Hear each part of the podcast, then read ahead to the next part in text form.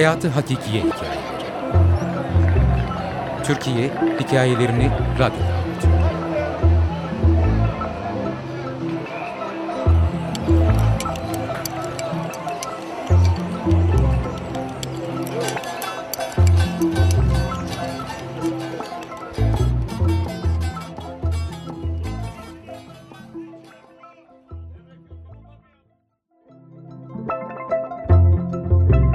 Olsun alalım anne.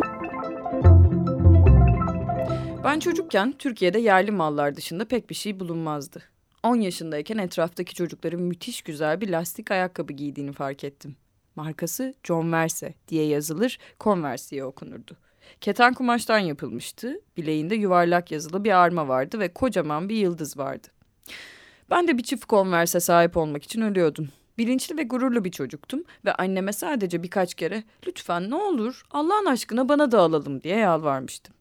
Annem kızım bu ayakkabılar bezden yapılma yağmura çamura gelmez. Yazın giymeye kalksam bilekli ayakkabı içinde ayağım pişer. Hem kullanışsız hem de çok pahalı diyordu. Üstelik hala ayaklarım büyüyor. Seneye giyemeyeceğin lastik ayakkabıya verilir mi o kadar para? Anne çok güzel giyerim ben. Yazın da kışın da giyerim. Başka ayakkabı istemem hem. Tek bunu al yeter demiştim. Vakti olmayacak. Yazlığa gitmeden önce beni Karaköy'e götürdü. Fiyata bağlı demişti. Alamayabiliriz. Ne renk alsam diye düşündüm yol boyunca. Kırmızı mı, pembe mi yoksa yeşil mi? Kesin yeşil diye karar verdim. Her renkte uyar. Dükkana varınca bir de ne görelim? 34 numara hiç kalmamış.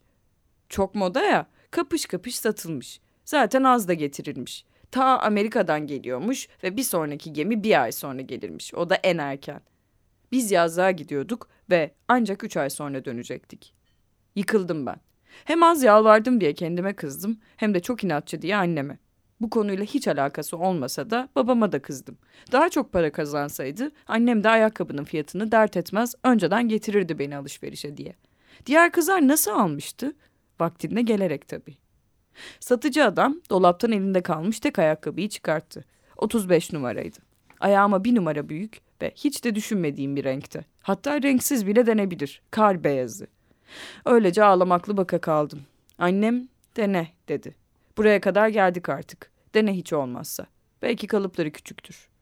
Bir taraftan da satıcıyla pazarlığa başladı. Elinde kalan mal. Bu satılmaz artık. Baksana beyazı kim alır diyordu. E o zaman niye bana denetiyorsun anne diyecektim ama ben de kararsızdım tabii. Bu durum şans mı, şanssızlık mı anlayamamıştım. Denedim ve büyük geldi. Ama sıkı bağlayınca ayağımdan çıkmıyor, kalın çorapla rahat yürünür gibi geliyordu. Düşündüm hiç yoktan iyiydi. Yazlıktaki kızlardan mutlaka bazıları yeşilinden almıştır hem. Oysa beyaz kimse de yoktur. Her renk çorap da giyebilirim içine, dedim kendime. Giderek ikna oluyordum. Satıcının yaptığı indirimden sonra annem de ikna olmuşa benziyordu. Birlikte kararı verdik ve benim konversler kutusuna konulup paket yapıldı. Kutulu satılan ayakkabı ilk kez görüyordum. Ona aşık olmuştum. Dönüş yolunda annem başladı. Sen bunları nasıl temiz tutacaksın daha kendine bakamıyorsun beyaz keten ayakkabı iki günde kapkara olur ayağında demeye. Annem iyi bir şeyi insanın kursağında bırakmak konusunda ustaydı. Ama bugün benim canımı sıkamazdı. En sonunda yazlığa taşındık. İlk gün yerleşmeyle geçiyordu. Annem bana site bekçisine gitmemi, onda bir emanetimiz olduğunu söyledi. Ben de anneme göstermeden süper konverslerimi giydim. Görse bu ayakkabı bakkala çakkala giderken giyilir mi? Hiç balının kıymetini bilmiyorsun diyecekti. Ama belki yolda bir arkadaşımı görürdüm. Kar beyaz ayakkabılarımın dedikodusu sahildeki çay bahçesine benden önce ulaşsın istiyordum. Bekçi uzun yıllardır aynı görevdeydi. Bakkalı da o işletirdi. Beni çocukluğumdan beri sever, her gün cincin çikleti aldığımdan bana cincin derdi. Görünce yine çok sevindi. Oo, sen genç kız olmuşsun artık. Sana cincin diyemeyiz bundan sonra. Ne diyeceğiz bilmem ki. Ayakkabılar da konuşuyor ha. Senin ayakların da çok büyümüş kız, dedi. Geçen yaz başı zorla anneme yakındaki köy pazarından 10 tane civciv aldırmıştım. Büyüyünce çoğunun horoz olduğu anlaşıldı ve yaz sonu annem hepsini birden bekçiye verdi. Annem horozları istemiyordu ama annem adama bak çaresine demişti. Çocuklar ağlar diye biz bir şey yapamadık. O zaman bekçi tamam abla deyip bakmak için aldı bizim horozları. Şimdi bekçinin arka bahçesinde dolaşanlardan bazıları benim bebelerimdi. Sonra onları sevmeye gelirim diye düşünüyordum ama şimdi değil. Acelem vardı. Annem bir emanetimiz olduğunu söyledi. Onu almaya geldim. Ha tamam anladım. Bekle burada beş dakikaya geliyorum diyerek arka bahçeye yöneldi. Birazdan elinde beyaz bir tavukla geldi. İki bacağından birden tutmuş kaldırmıştı. Başı aşağıda sallanıyordu. Kafası kesilmiş, baş tarafı bir bez parçasıyla sarılmıştı. Bana uzattı. O ne? dedim korkuyla. Bana niye kafası kesik tavuk veriyorsun? Pazardan aldım sizin için. Annen akşama pişirsin yersiniz. Sen yemiyor musun tavuk eti? Yerim ama böyle görünce benimkilerden biri zannettim. Onları kesmedin değil mi? Onlar kesilmeyecekti öyle anlaşmıştık. Tabii canım keser miyim senin horozları? Onları köyde başka kümeslere verdim. Çok mutlular merak etme sen. Merak etmiştim etmesine de şimdi bu işi uzatmayı canım istemedi. Bir an önce eve gidip şu kafası kesik zavallıyı teslim etsem ve sahildeki çay bahçesine doğru yola çıksam harika olacaktı. Tiksinerek de olsa bacaklarından tuttum öyle hayvanı, baş aşağı sallayarak götürdüm. Eve varana kadar kesik baş tarafına bakmamaya çalıştım. Bahçeden girdiğim anda annemle karşılaştım. Bu ne?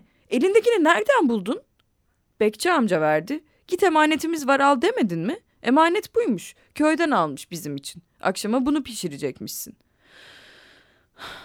Bu bekçi tam kıt akıllı ha. Kim dedi ona kafası kesik horozu çocuğun eline ver diye? Ben emanet derken evin yedek anahtarını demek istemiştim. Ne olur ne olmaz diye geçen sene giderken bırakmıştık. O kalkmış ne anlamış diye kızdı. Hala hayvan elimdeydi. Annem uzandı aldı ve o anda tekrar yaygarayı koyverdi. o ne senin ayağındakiler? A benim şaşkın kızım ne yaptın yepyeni ayakkabılarına? Demez mi? Ne yaptım? Ayağıma bakar bakmaz anladım ne yaptığımı. Tavuğun kesik kafasına sarılı bez parçasından kan sızmış ve kar beyazı ayakkabımın üstü benek benek kan lekesi olmuştu. Ayakkabımın sağ teki feci durumdaydı. Anneciğim mahvoldum ben ne olur temizle ayakkabılarımı diyebildim gözyaşlarım arasında. Annem kumla olmaya başladı. Diş fırçasıyla fırçaladı, onu sürdü, bunu sürdü. Ne yaptıysa kan lekesini çıkaramadı. Kırmızının tonu biraz değişmişti ama bembeyaz ayakkabıda iri noktalar hala çok belirgindi. Benim ne tadım kaldı ne tuzum. Bu yazdan hiç umudum yoktu. Şimdi düşünüyorum da ayakkabıdaki o lekeler. Sanki bana şans getirdiler. O yaz tahminimden çok daha güzel geçti. Sitenin en yakışıklı çocuğu kumsal partisinde beni dansa kaldırdı mesela. Ayakkabılar kumda bile ayağımdaydı. Artık kirlenmesini umursamıyordum nasıl olsa. O yaz çok güzel dans ettim. Olsun alalım anne. Yazar Nuray Atacık, editör Murat Gülsoy, okuyan Seçit Yukkan.